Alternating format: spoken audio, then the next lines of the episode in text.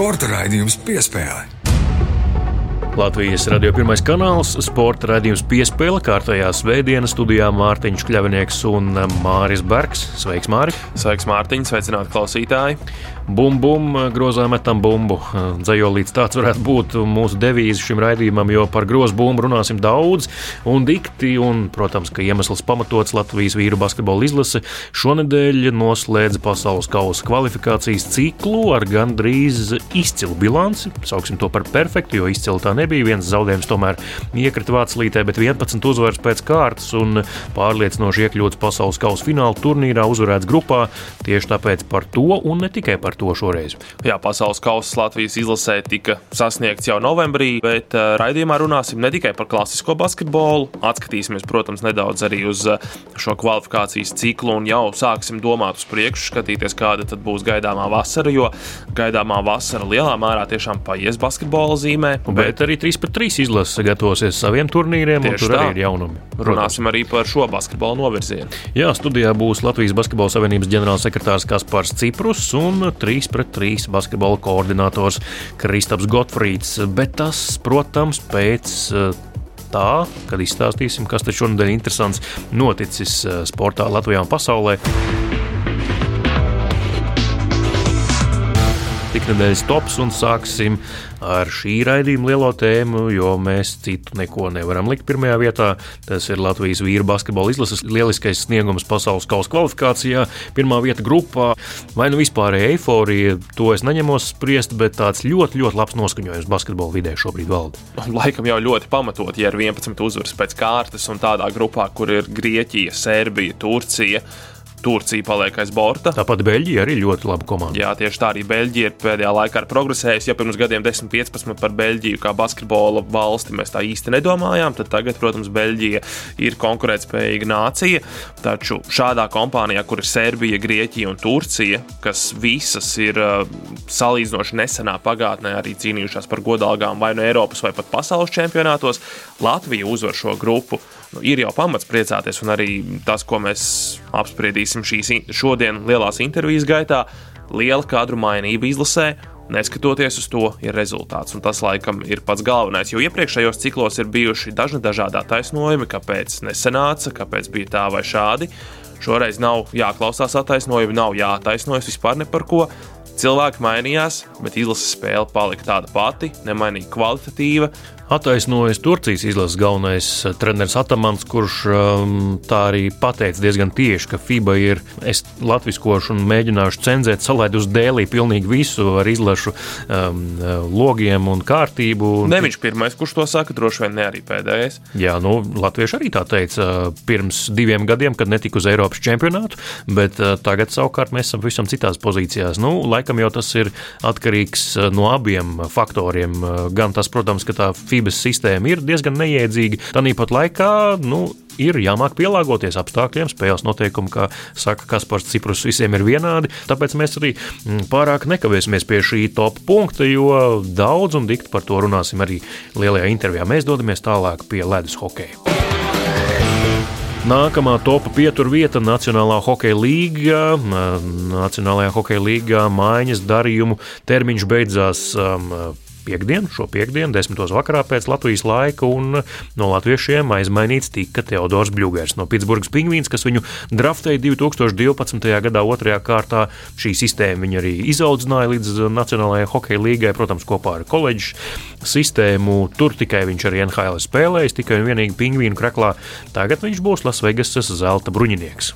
Tas nozīmē tikai vienu lietu. Teodoru Blugeru ieraudzīt pasaules čempionātā Rīgā cerības ir itin mazas, jo Pitsburgas Penguins eh, ir veca komanda, viena no vecākajām visā līgā, un eh, austrumi būs nežēlīgi šogad playoff izcīņā. Nu, Pitsburga tālāk par pirmo kārtu austrumos nu, netiktu pilnīgi nekādi. Viņi nav iepriekšējos gados nekur tikuši un netiktu arī šajā sezonā. Vegas tas ir mazliet cits stāsts. Tā ir komanda, kas var tikt tālu, bet var arī netikt. Visādi var būt. Jā. Pirmajā sezonā, 2018. gadā, kad piedalījās Nacionālajā hokeja līgā, spēlēja Stanley Kausa finālā. Tur zaudēja Washingtonas Capitals, kur toreiz ieguva kausu. Nu, tālāk sekmes bijušas dažādas tālākajos gados, bet kopumā komanda atstāja iespēju, ka tā ļoti labi zina, ko dara.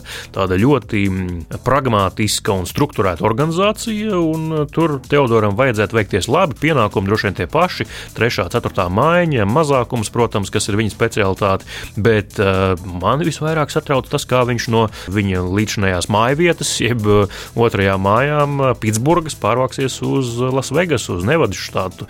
Tā kā tur no Pensilvānijas līdz Nevadai viņam kaut kā tas viss savu iedzīvu būs jāpārved. Par šo vispār Twitter vidē stāstīja NHL leģenda, bijušais aizsargs, Kanādas izlases arī aizsargs, Enlīkaus čempions un tā tālāk Kris Prongers. Viņš par šo stāstīja, ka spēlētāji visu šo pārvākšanās procesu nodrošina tā komanda, kas viņu uzņem.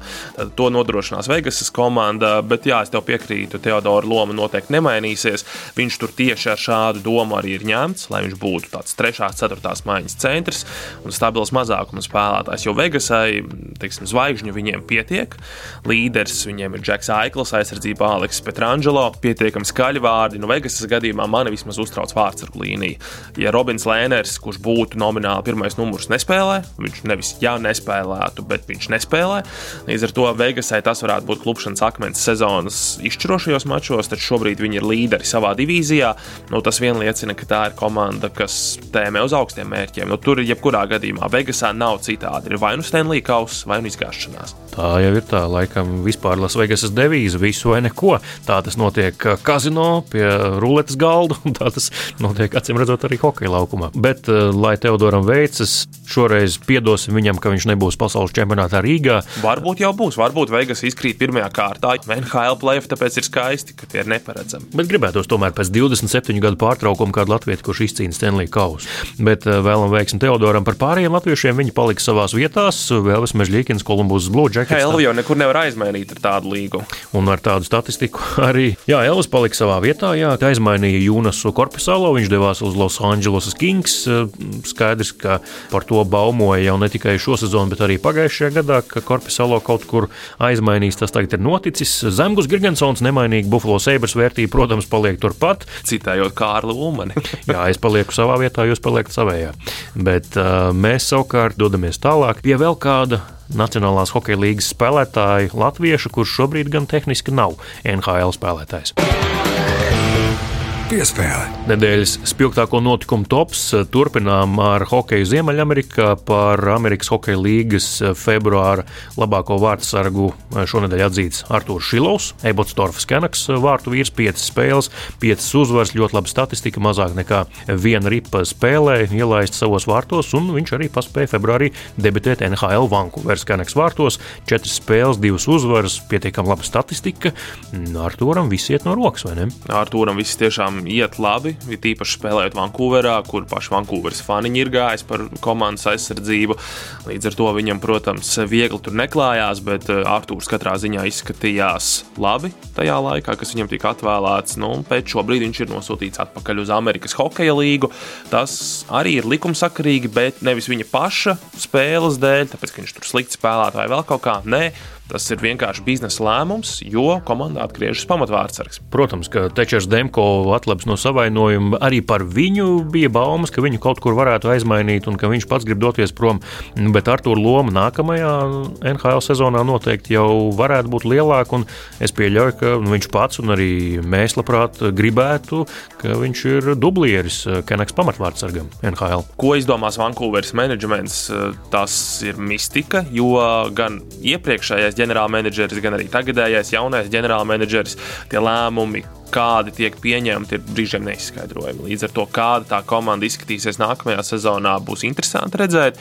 Taču Arthūram tur vajadzētu atrasties vietai. It īpaši tāpēc, ka Vankūveras vārdsargu treneris tiek ļoti, ļoti slavēts par savu darbu. Arī Tačers Demko, komandas pamatvārdsargs, ir izaudzināts šī vārdsarga trenera darbības rezultātā. Un, nu, Vankūveras fani liek liels cerības uz viņu. Jā, es tieši gribēju izcelt uh, viņu vārdsargu treneri, kurš ir ļoti, ļoti fokusējies uz uz to, lai Arthurs būtu šajā komandā, lai viņš tur spēlētu, labi spēlētu, attīstītos. Ir pietiekami daudz stāstu, kad uh, latvieši atbrauc atpakaļ uz Eiropu un saka, nesanāca, neiekrita acīs, nebija īstajā vietā, īstajā laikā, un, un tāpēc arī tas NHL stāsts beidzās. Bet uh, nu, mēs no augstā ledus laukuma straujiem soļiem pie karstām riepām dodamies. Un uh, nedēļas topā pēdējā pieturvieta pirmās formulas jaunās sezonas sākums. Māri, es šajā jautājumā atzīšos, esmu absolūts nezinīts uz mēnesi stāsti, kas tur notiek un kādas intrigas. Jā, pirmā formula šodien sākas pēcpusdienā jau pirmais posms Bahreinā, Sahiras trasē. Ne tikai karstas riepas tur būs, tur būs vienkārši karsts, tā ir karsta valsts trase, atrodas arī tūkstnesī. Protams, pirmais posms, arī vakardienas kvalifikācijas rezultāti, neliksim pārāk lielu uzsvaru uz to, jo visu pirmkārt parādīs tiešām tikai sacīkstes, viens aplis ir viens aplis aplis, eh, un arī tas, ko mēs redzēsim Bahreinā, nesāksim vispārināt, jo atceramies, kā izritēja pagājušās sezonas pirmais posms, tur Ferrari pārliecinoši uzvara, un sezonas turpinājumā viss sagriezās kājām gaisā tādā izpratnē, ka Red Bull dominēja, un Ferrari turpināja paši sev šaut kājā, pieļaujot vienu kļūdu pēc otras tieši Ferrari komandas vadībai. Līdz ar to gaidām interesantu sezonu, būs arī gara sezona, dažādi pavērsieni. Ja pagājušajā sezonā bija lielas tehniskās pārmaiņas, F1 milzīga revolūcija, varētu teikt, pat lielākā revolūcija tieši tehniski visas sporta veida vēsturē. Jā, mašīnas ir palikušas ātrākas, piloti daži ir mainījuši vietas, daži debitanti. Nu, viss kā parasti pirmajā formulā, bet būs interesanti jaunā sezona jau pēc dažām stundām iet vaļā. Un favorīti joprojām Maks Verstapens un Red Bull? Jā, Maks Verstapens un Red Bull vismaz testos izskatījās ļoti pārliecinoši. Nu, daži eksperti, ārzemju eksperti, kas arī ir bijuši testos uz vietas Bahreinā, ir izteikušies, varbūt Fernando Alonso un Aston Martin vismaz sezonas pašā sākumā varētu būt galvenie konkurenti tieši Red Bull, bet no to mēs visu redzēsim sacīkšu laikā. Bahreina arī ir diezgan smaga trase. Tas ir viens posms, pagaidīsim, kad pirmā formula atgriezīsies Eiropā maijā, lai izdarītu tādus vispārinošus secinājumus par to, kā šī sezona ir iegriezusies. Jā, nu Fernando Alonso kā brauc, tā brauc, turpina to darīt. 22. gadu jau 2001. gada sezonā debitēja, tagad jau 22 gadi pagājuši kopš viņa pirmās sacīkstes. Jā, bet šī būs labo man, ja kļūdos, pirmā sezona vairāk nekā 11 gadu laikā, kurā nebūs Sebastians Fetela. Viņš tomēr ir līdz punkts savai karjerai. Jā, Sebastians Fetels ir metis mieru. Uz brīdi pat izskanēja runas, ka viņš varētu piedalīties vismaz Bahreinā, jo Aston Martin komandas otrs pilots Lants Strauss viņš treniņa laikā laikā savainoja uh, rokas, savainoja plaukstas locītavu, bet uh, viņš ir atlabis un viņš var braukt. Cik tur bija taisnības, cik nē, to mēs neuzzināsim, bet uh, bez Fetela un arī bez Mika Šūmahera šajā sezonā. Paudzes mainās, uh, mainās arī varoņi.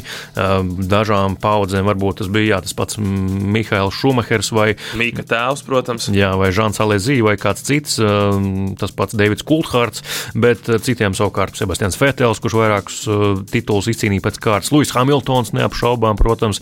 Katrā ziņā Hamiltons ir pateicis, Džeki, es nekur netaisos projām. Man mērķis ir dabūt to titulu, kas man tika atņemts. Nu, apmēram tā viņš arī pateica ļoti taisnā tekstā. Viņš nav aizmirsis to, kas notika 21. gada pēdējā posmā.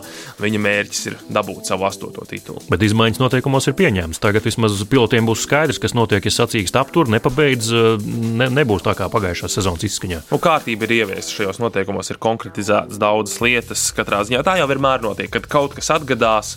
Tad vajag to precedentu. Jā, jā, tieši tā, un pēc tam tad, tad visi šie jautājumi tiek sakārtot. Mēs savukārt eh, liekam punktu nedēļas topam un dodamies pie lielās intervijas. Sporta raidījums piespēlē. Studijā Mārtiņš Kļavnieks un Māris Bergs. Un šajā nedēļā, kad eh, Latvijas vīru basketbola izlase eh, noslēgusi kvalifikācijas ciklu pasaules kausam, mēs nevaram nerunāt par basketbolu. Tieši tāpēc eh, Māri mums studijā divi brašu viesi, kur pastāstīs ne tikai par basketbolu, bet arī par tādu zaru 3 pret 3 basketbolu. Jā, tieši tā. Viens no studijas viesiem šodien mums ir Latvijas Basketbola Savienības ģenerālsekretārs Kaspars Ciprus. Sveiks, Kaspar! Labdien! Studijā mums ir vēl viens viesis, mums ir pievienojies 3 pret 3 3 koordinators Kristaps Gotfrīds. Sveiks, Kristap! Labdien! Droši vien sāksim ar to pašu, pašu patīkamāko, kas par uh, vairākas dienas pagājušas kopš pirmdienas mača pret Grieķiju. 11 uzvaras pēc kārtas vīru basketbola izlasēja. Tev droši vien smaids no sejas nepazūd šajās dienās, vai ne? Noteikti viņš nepazuda. Tie lielie prieķi, kas bija, tas bija jau novembrī, kad mēs tikām kaucējāmies, bet tiešām tas pārsteigums, ar kādu komandu turpina, ar kādu azartu komanda turpina darboties, atbalstīt no fanu puses. Sestais spēlētājs to, ko dara, un tas ir vienkārši fantastika. Mēs redzam, ka pirmkārt, lai kāds arī būtu sastāvs, tas rokraksts komandai nemainās. Mēs cīnāmies. Protams, ka ir šāds vai tāds izpildījums, bet rokraksts nemainās. Nu, Kristapam, kurš pats spēlējis arī klasisko basketbolu, droši vien arī sirdī tūs šis panākums, vai ne? Protams, protams ļoti, ļoti sekoja līdzi visām spēlēm, un, un, un kur varēja, tur arī bija arēnā blakus izlasē, un arī skaļi bļāva. Ļoti patīkams pārsteigums, var teikt, eh, jo viss 11 uzvaras pēc kārtas. Es domāju, tas bija pārsteigums lielākajai Latvijas fanai. Nedaudz arī patirzāsim to panākumu, varbūt ehm, tā sadalīsim pa detaļām, dažādiem ehm, tā teikt, sīkākiem elementiem. Ehm, nu, varbūt visu pirms par to, ko es jau sacīju uzreiz pēc spēles, kad arī Latvijas radio ziņu dienests veidoja diskusiju Twitter vidē, tā saucamajā Spaces lietotnē. Tur es arī sacīju, ka šķietami visi ir vienojušies vienojušies tādā kopīgā dziesmā, ja mēs tā pēdiņās varam izteikties, kas par tas, ko tu nereiz arī esi sacījis, ka, nu, kā saka, noliekam malā kašķus vai kaut kādas individuālās tās savas ambīcijas un strādājam visi viena mērķa vārdā, gan savienība, gan izlase, izlases vadība, apkalpojošais personāls, un tas, man liekas, šajā pasaules kausa ciklā izpaudās, nu, tā ļoti uzskatāmi. Nu, tieši ļoti, ļoti precīzi, ka mūsu galvenais mērķis bija tāds, ka šobrīd uh, savienībā nav nekādu privāto vai kādu citu biedru pārstāvētās intereses. Ir globāla interese uzlabot basketbolu, ir globāla interese pēc iespējas uh, labāk nostartēt gan vīriešiem, gan sievietēm izlašu līmenī, jo mēs saprotam, ka izlase ir pati galvenā vilkme, kāpēc lai jaunieši pēc tam nāk un atbalsta. Es domāju, ka jūs redzējāt uh, arēnā tagad, kad vairāki simti, es pat teiktu pāris tūkstoši pat vairāk ir jaunieši, nāk, atbalsta, pēc tam gaida autogrāfus. Nu, tas ir tas, priekš kā mēs arī strādājam. Jo, ja kāds no šiem elementiem eh, negribēs sadarboties vai darbosies kaut kādā citā virzienā, nu, tad tas, eh, diemžēl, būs visiem ļoti, ļoti sāpīgi, un visi mēs gribam konkurēt ar Ameriku. Labi, ar Ameriku tas var būt tā sapņu līmenī, bet ar Sloveniju, ar Serbiju, ar Franciju, Lietuvu. To mēs pierādījām, ka mēs to varam darīt. Gribētu teikt, ka šajā kvalifikācijas ciklā tāda atslēgas figūra bija tieši treneris Bankī, kā tu pats, kas par arī Facebook vidē bija ierakstījis tā veiksmīgā kārts. Jo iepriekš šajos FIBA logos mēs arī esam redzējuši lielu spēlētāju mainību, un iepriekš ir dzirdētas, nu, teiksim, varbūt tādas attaisnošanās, ka spēlētāju mainība nav labākie vietējie vietējā līga švaka. Nav no kā izvēlēties, mums tas resurss maziņš. Tagad izlasēji, ja pareizi atceros, bija 29 vai 30 spēlētāji šajā ciklā spēlēja kvalifikācijas laikā. 11 uzvaras pēc kārtas, un cik tur tā kopējā bilance mums beig beigās arī sanāk valsts vienībai bez attaisnojumiem šoreiz. Nav tā, ka veiksme mums nestāvēja blakus, bet, nu, ziniet, es vienmēr ar skaudību skatījos uz Lietuvu. Jo viņiem arī tā spēle, kā nu kur reizi, bet katru reizi viņi kaut kā izlien. Nu, šīs beidzot, Luka Banki atnesa tādu kā ticību sev, lai cik būtu grūti spēle, piemēram, gan pret eh, Serbiju, gan pret Beļģiju, eh, sākumā, gan pēc tam mēs redzējām pret Lielbritāniju. Visu laiku treneru korpus atrada tos pareizos vārdus, lai motivētu spēlētājus vairāk un vairāk. Tas ir skaidrs, ja mums ir, piemēram, varbūt sastāvs bez Eirolandes un bez NBA spēlētājiem, tad tie kāpumi un kritumi ir vairāk vērojami. Bet tajā pašā laikā viņi vienalga ir, tiek atrasti pareizie vārdi, motivēt, un varbūt arī bieži vien atrast motivācija tajos spēlētājos, kas pirms tam netika pie vārda, piemēram, tas pats Leimanis, Čāvars, Steinbergs ļoti labi tagad kā no jaunās paudzes ienākuši. Tas ir tiešām ļoti apsveicami. Kā pareizi minēja, mums ir 28 spēlētāji izgājuši laukumā pa šiem visiem sešiem logiem, un 32 spēlētāji ir bijuši uzaicināti uz kandidātu loku. Tas nozīmē, ka Pat ja tie aicina uz kandidātu loku, pa lielam visi arī tiek spēlēti. Nu, tas ir mākslinieks fantastiski, ka jaunie šobrīd arī iegūst pieredzi un gūst uzvaras pret Eiropas grandiem. Kas eh, notiek ar Lukas banku līgumu? Tas beidzas pēc pasaules kausa fināla turnīra. Esat jau runājuši, vai varbūt kaut ko jau parakstījuši? Vēl neesam parakstījuši, bet mēs šobrīd esam pārunās. Interese ir no abām pusēm. Šobrīd jāsaprot iespējas. Lukam banku līgums ir līdz pasaules čempionāta beigām. Es ļoti ceru, ka tuvākā laikā laikā mēs varētu nonākt pie kopsaucēja un pagarināt līgumu līdz 25. gadam. Klau, kas par, par pasaules kausu runājot, izloze uz turnīru vai grupu turnīru izloze, pareizāk sakot, mums būs 29. aprīlī. Tas basketbola savienībai un arī tev noteikti rada virkni galvas sāpju, jo turnīrs sāks 3,5 mēnešus vēlāk. Ļoti daudz lietas jāsplāno ļoti īsā laikā. Arī žurnālistiem, kuri grib braukt uz pasaules kausu. Īstenībā tiešām ļoti liels galvas sāpes. Jo tas nav tā, ka tu iesēdies lidmašīnā Eiropā un plus mīnus tajā pašā laika joslā izkāp un visi forši. Tur tas process ir daudz sarežģītāks. Tur ir aklimatizācijas, 6-7 stundu starpība. Tur ir pavisam cita virtuve, tur ir pavisam cits klimats. Mēs jau laicīgi plānojam šobrīd pāris varianti, kā tuvākais, kur mēs varētu doties. Tas droši vien varētu būt Taivāna uz pārbaudas turnīru, bet uh, arī aklimatizācijas periodu veikt. Varbūt arī kaut kas var mainīties. Un līdz ar to mēs nevaram gaidīt līdz mājām lai mēs saprastu, kur mēs dosimies. Protams, ka mēs jau plānosim laicīgi, kur ar kādām pārbaudas spēlēm, kā ar ko mēs spēlēsim, kurā vietā, kā mēs aklimatizēsimies. Tas process jau viss notiek. Varbūt pastāstīt sīkāk par šīm pārbaudas spēlēm Taivānā vispirms. Un cik to jūs vispār esat tam, ka tur būs kaut kas, jo lietuvieši laikam es saprotu, it kā tur bija, tagad laikam vairs nav, vai atkal jau ir. Kā tur vispār notiek? Nē, nē, lietuvieši tieši tur ir un bija un būs. būs. Tur vajag vairāk jautājumu par Francijas izlasi, bet šobrīd mēs gaidām arī no organizatoriem sadarbības līgumu.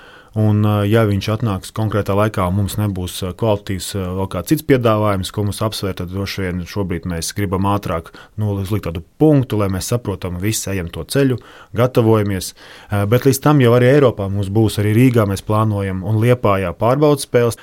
Būs interesanta vasara. Bet vai jūs esat uh, savienībā lēsuši, nu, cik tas jums vairāk izmaksās šī te FIBAS, uh, teiksim, tā tautas valodā gumijas stiepšana, ka tā izloze ir tikai aprīļa pēdējās dienās? Šobrīd mēs darām visu un mēģinam nofilmēt tā, lai tā FIBAS gumijas stiepšana mūs ļoti neietekmē. Tāpēc mums ir tagad ātri, mēs ceram, ka tiks pieņemts valdībā budžets.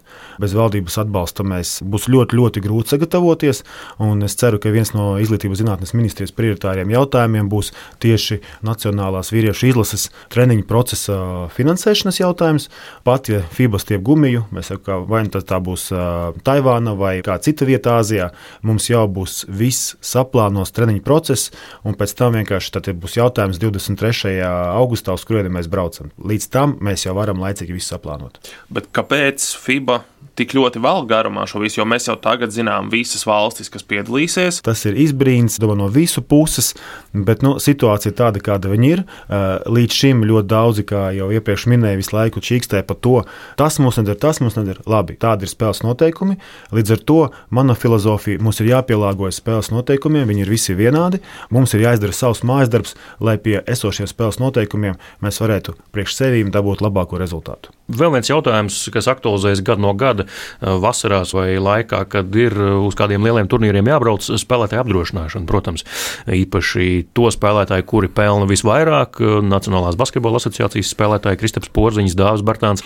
Kas ar šo jautājumu? Vai ir jau skaidrība, cik daudz finansējuma vajadzēs, kāds būs tā avots? Runājot par Eiropā spēlēšanu spēlētājiem, tur situācija ļoti vienkārša. FIBA to visu sedz. FIBA to visu sedz, tur viss ir kārtībā.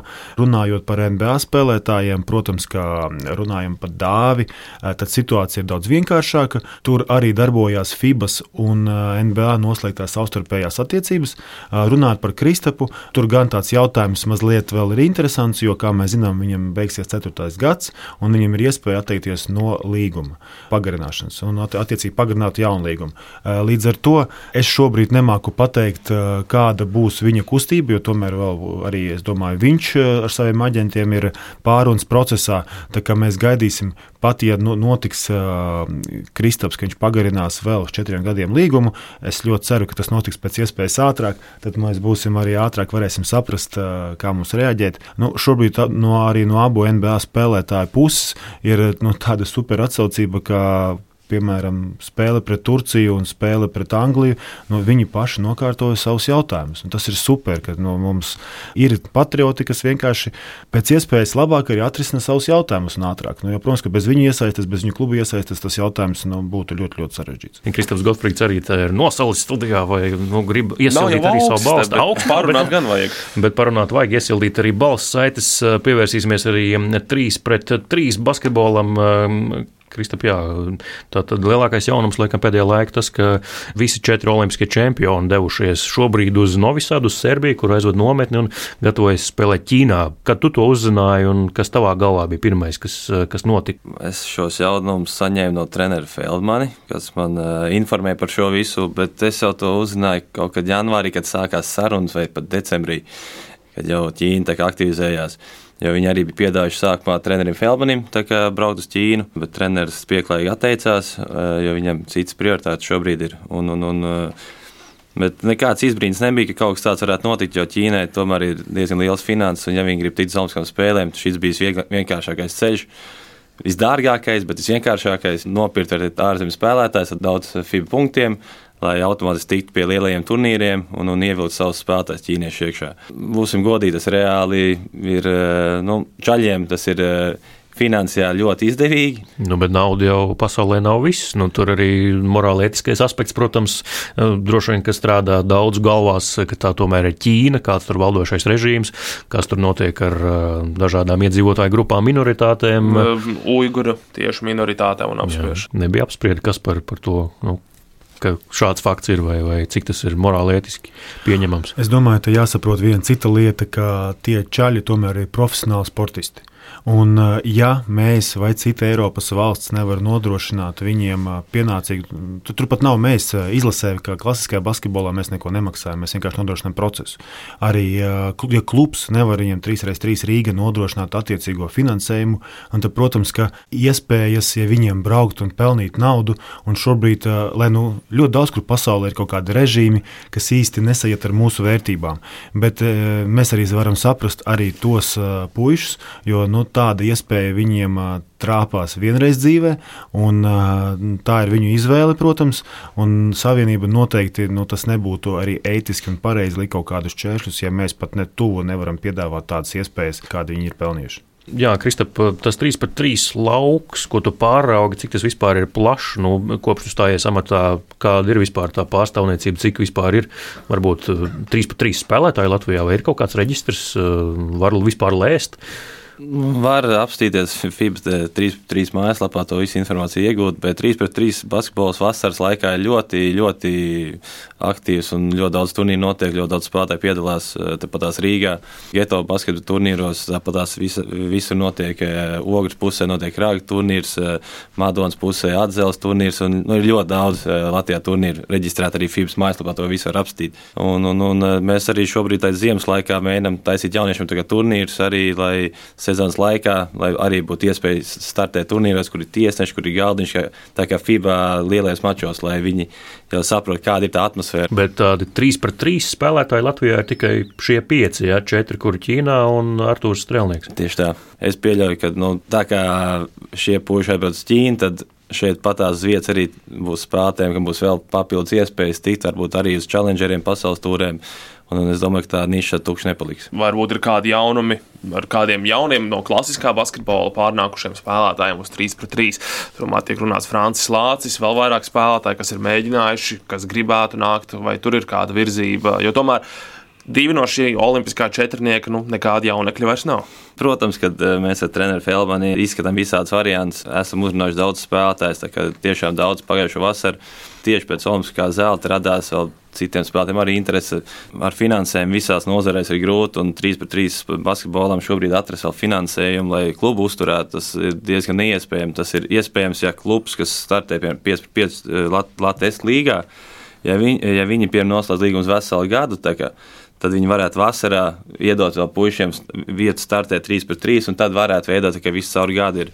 Bet, uh, Top gan līgā taču bija doma, ka katrs LBL klubs eh, deleģē savu 3 pret 3 komandu. Nu jā, tā doma bija. Bet, bet tas domāju, laikam ka, kaut kur pagājis. Jā, tas pagājis. Un ne, mēs nevaram no savienības puses uzspiest klubiem. Šobrīd Polijā ir tā, ka uh, katram klubam ir jābūt obligāti 3 pret 3 klubam, kas startē turnīros.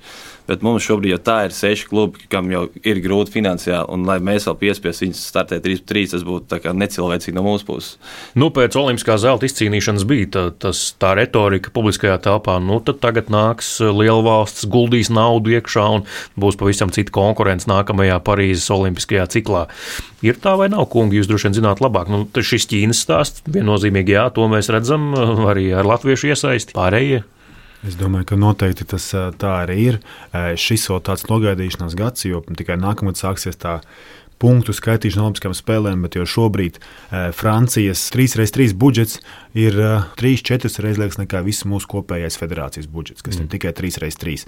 Tā kā mēs ļoti labi saprotam, ar ko mums ir jākonkurē. Mums ir jākonkurē ar daudz lielākajām valstīm, kur ir daudz lielāks finanšu un arī cilvēku resursu. Jā, nu, parunāsim par nu, droši vien ne to ērtāko tēmu, par to, kas notiek FIBA pasaules, FIBA Eiropas komisijās. Es tiemetu acī, jā, kā tur ir ar dalībniekiem. Izrādās, ka 3 pret 3 komisiju vada Andrejs Kiriļenko no Krievijas. Tā vismaz FIBA mājaslapā stāv rakstīts joprojām. Gunta Baško savukārt arī ir vienā komisijā kopā ar Krievijas pārstāvi. Un, nu, jā, tā ir tehniskā komisija viņi ir vicepriekšsēdētāji. Nu, tātad, jā, Krievijas pārstāvis Evģēnijas Estrovskijs arī tur darbojas. Um, ir arī tur citas komisijas, kur ir Krievijas pārstāvi. Kas tur īsti notiek? Kas par, jo jūs tomēr ar, arī esat parādījuši savu mugurkaulu, sacījuši, ka ne, nedeleģēsiet ja, savus pārstāvjus vairs komisijām, kamēr tā notiks. Kas notiek FIBA galvā šobrīd? Nu, ir jāsaprot, ka ir divas FIBas. Ir FIBA pasaule un FIBA Eiropa. Tās kardināli atšķiras? Tas diezgan kardināli atšķirās, jo mēs arī saprotam, ka pasaules nostāja uz karu Ukrajinā ir arī, ja Eiropā lielākā daļa valstu neatbalsta situāciju, tad ir pasaulē dažas valstis, kas tomēr to kara darbību no Krievijas puses atbalsta. Nu, līdz ar to arī šeit izriet situācija, ka Eiropā tā nostāja ir mazliet savādāka.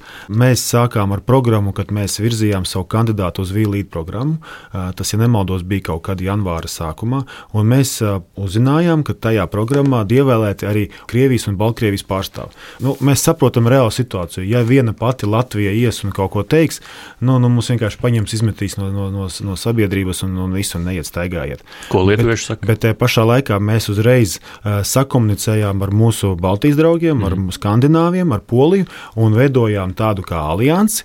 Un, protams, ka aizsūtot uh, deviņu valstu izbrīnu un šoku par esošo situāciju, uzreiz uh, Vīlīta programma šobrīd tika apstādināta. Tās komisijas un valdes sēdes jau nav tik biežas, tur viņas notiek uh, divas, trīs reizes gadā.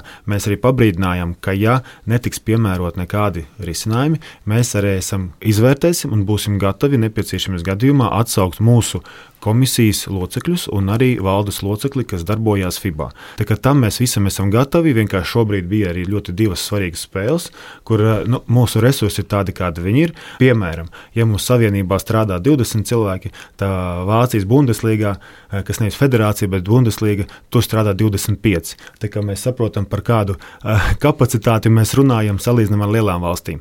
Bet mēs esam gatavi atkal tuvākā laikā atgriezties pie šī jautājuma un uh, kopā ar mūsu skandināvu, un Baltijas un poļu draugiem radīt vēl lielāku spiedienu, varbūt piesaistīt vēl kādu Eiropas valsti, pasakot, ka, nu, ja nebūs tā, tad draugi bez mums. Paldies Kristupam Gotfrīdam, uh, Latvijas Basketbola Savienības 3-3 koordinatoram, arī Latvijas Basketbola Savienības ģenerālsekretāram Kasparam Ciprusam. Uh, nu, mēs sakam jums, vīri, paldies, ka atnācāt un uz kādu citu sarunu. Paldies! paldies. Piespēle. Reins Grunsteins, mūsu vēsturnieks, arī pameklēja šo to par augstākajiem, zemākajiem punktiem. Klausāmies! Vēstures stūrītis! Latvijas vīru basketbola izlase šobrīd ir vienā no augstākajiem punktiem, kādā jebkad bijusi. 11 uzvaru sērija oficiālās spēlēs itāliešu trenera Lukas Bankī vadībā ir pārliecinoši garākā Latvijas izlases vēsturē. Iepriekšējais rekords oficiālos mačos bija septiņas uzvaras pēc kārtas 2014. un 2015. gadā, kad galvenais treneris bija Ainārs Bagātskis. Tomēr toreiz seši no septiņiem panākumiem tika gūti pret tādām komandām kā Slovākija, Rumānija un Zviedrija. Turpretim aktuālajā 11 uzvaru sērijā ietilpst panākumi pret daudz spēcīgākiem pretiniekiem kā Serbiju, Grieķiju un Turciju. Ja atskatāmies vēsturē uz citiem lieliskiem Latvijas basketbola izlases periodiem, tad spilgti izceļas trīs atsevišķi posmi. Trenera Aināra Bagātska periods no 2014. līdz 2017. gadam, 2000. gadu sākums ar treneri Armāndu Krauliņu, kā arī vairāku gadu nogrieznis tieši pirms otrā pasaules kara Valdemāra Baumaņa vadībā. Tieši 1930. gados Latvija izcīnījusi lielākos panākumus - leģendāro čempionu titulu pirmajās Eiropas meistarsacīkstēs 1935. gadā Ženēvā, par kuru uzņemta filma Sapņu komanda, kā arī četrus gadus vēlāk Kaunijā izcīnīto sudraba godalgu. Pēc neatkarības atgūšanas atjaunotajai Latvijas basketbola izlasēji sevi bija jāpierāda no jauna, taču pirmajos gados sekmes bija diezgan sliktas. Tikai gadsimta mijā Latvija spēja mainīt situāciju, kad ienāca jaunā paudze ar Kasparu Kambalu priekšgalā, kā arī jaunajiem Kristapu Valteru un Kasparu Ciprusu, bet no pieredzējušajiem spēlētājiem starp spilgtākajiem bija Raimons Miglnieks, Uvis Helmanis un Roberts Štelmahers. 2001. gada Eiropas čempionāta astodaļfinālā izdevās izdevās izcīnīt leģendāro uzvaru pār Lietuvu ar 94-76, turnīru noslēdzot 8. vietā, bet gadu vēlāk padevās arī 9 spēļu ilga uzvaru sērija. Viens no izlases līderiem šajā laikā bija tolaik jau pieredzējušais Ainārs Bagātskis, kurš vēlāk pats pārņēma Latvijas izlases stūri galvenā trenera amatā, sasniedzot lielākos panākumus pirms Lukas Bankī pievienošanās. Arī viņam, amatā stājoties 2010. gadā, pirmajos gados neklājās viegli, tomēr panākumi nāca ar laiku. Bez sākumā minētās septiņu uzvaru sērijas oficiālos mačos viņš Latvijas izlasi aizveda līdz diviem Eiropas čempionāta ceturdaļfināliem pēc kārtas kārtas. 2017. gadā ar NBA spēlējošajiem Kristapu Porziņģi un Dāvi Bartānu ierindā izcīnot piekto vietu. Zaudēt dramatiskā cīņā nācās nākamajai čempionai Slovenijai ar 18-gadīgo Luku Dončiču un naturalizēto Antoniju Rendolfu. Pēc pakavēšanās spožāko notikumu atmiņās atminēsimies arī Latvijas basketbola krīzes bezdibeņus. Izteikti periodi ir izceļami arī šajā ziņā. 20. gadsimta 90. gadu otrā puse Latvijas izlasēji palikusi atmiņā kā pagalam neveiksmīgākais posms. Mūsu komanda nespēja kvalificēties ne 95. ne 99. gada Eiropas čempionātiem. Savukārt 97. gada turnīrā Spānijā Igora Miglnieka vadībā tika piedzīvotas piecas piecas neveiksmes, ierindojoties pēdējā vietā. Tolaik pirmajos neatkarības atgūšanas gados Latvijas basketbolu apvija dažādi skandāli un runas par naudu.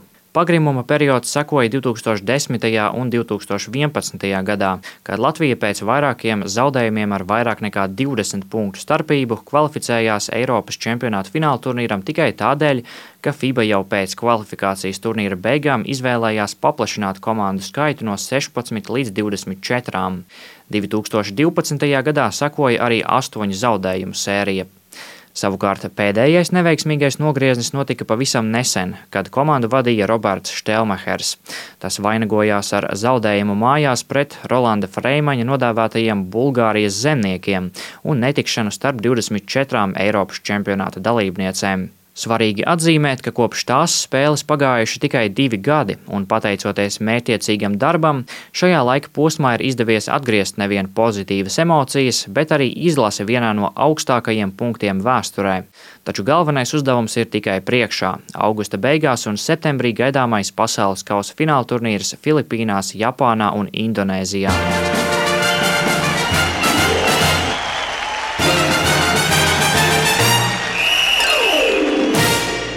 Svētdiena, Latvijas radio pirmais kanāls, sporta raidījums piespēle studijā Mārtiņš Kļavinieks un Māris Bergs. Ceru, ka izlase vismaz, ja ne šovasar, tad drīzumā atkal uzliks kādu latiņu, kas vēl nav vispār eh, tās vēsturē eksistējusi un to veiksmīgi pārlieks. Nu jā, nu pirmā latiņa jau tiks uzlikta šā gada septembra sākumā, tad mēs zināsim, kurā vietā Latvija ierindosies savā vēsturiski pirmajā pasaules kausa izcīņā basketbolā vīriešiem.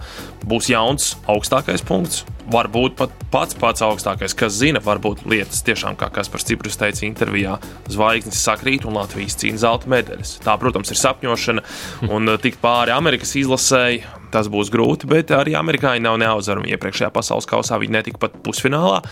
Līdz ar to arī amerikāņi var paklupt, un tad parādās izredzes tādām valstīm kā Spānija un daudzām citām. Galu galā pagājušā pasaules kausa finālista Argentīna šajā reizē nemaz nespēlēs. Tieši tik vienkārši amerikāņiem piemetas cauri, un mēs esam finālā. Un, vai arī viņiem neuzkrīt, un viņi vai nespēj sadalīt Jā. kaut ko, kā jau tas mēdz būt. Redzēsim, redzēsim, basketbola savienībai darbīga vasara priekšā, bet raidījumā šonadēļ tas tiešām arī ir viss. Jā, pirms atvadāmies, pateikšu, lai mūsu neapvainotu dzimumu diskriminācijā, tad, protams, arī Latvijas sieviešu basketbola izlase šovasar startēs. Jūnijas Eiropas čempionāta fināla turnīrs arī dāmas ir tur, un pēc tam jau uh, uzmanības fokus pāries uz vīriem uh, vasaras izskaņā. Paldies, ka klausījāties, dariet to um, katru svētdienu, un ne tikai uh, radio ētrā tiešraidē, bet, protams, arī visur, kur dzīvo raidierakstu, varat meklēt raidījumu piespēli. Vislabāk! Tikšanos pēc nedēļas! Sporta raidījums piespēlē.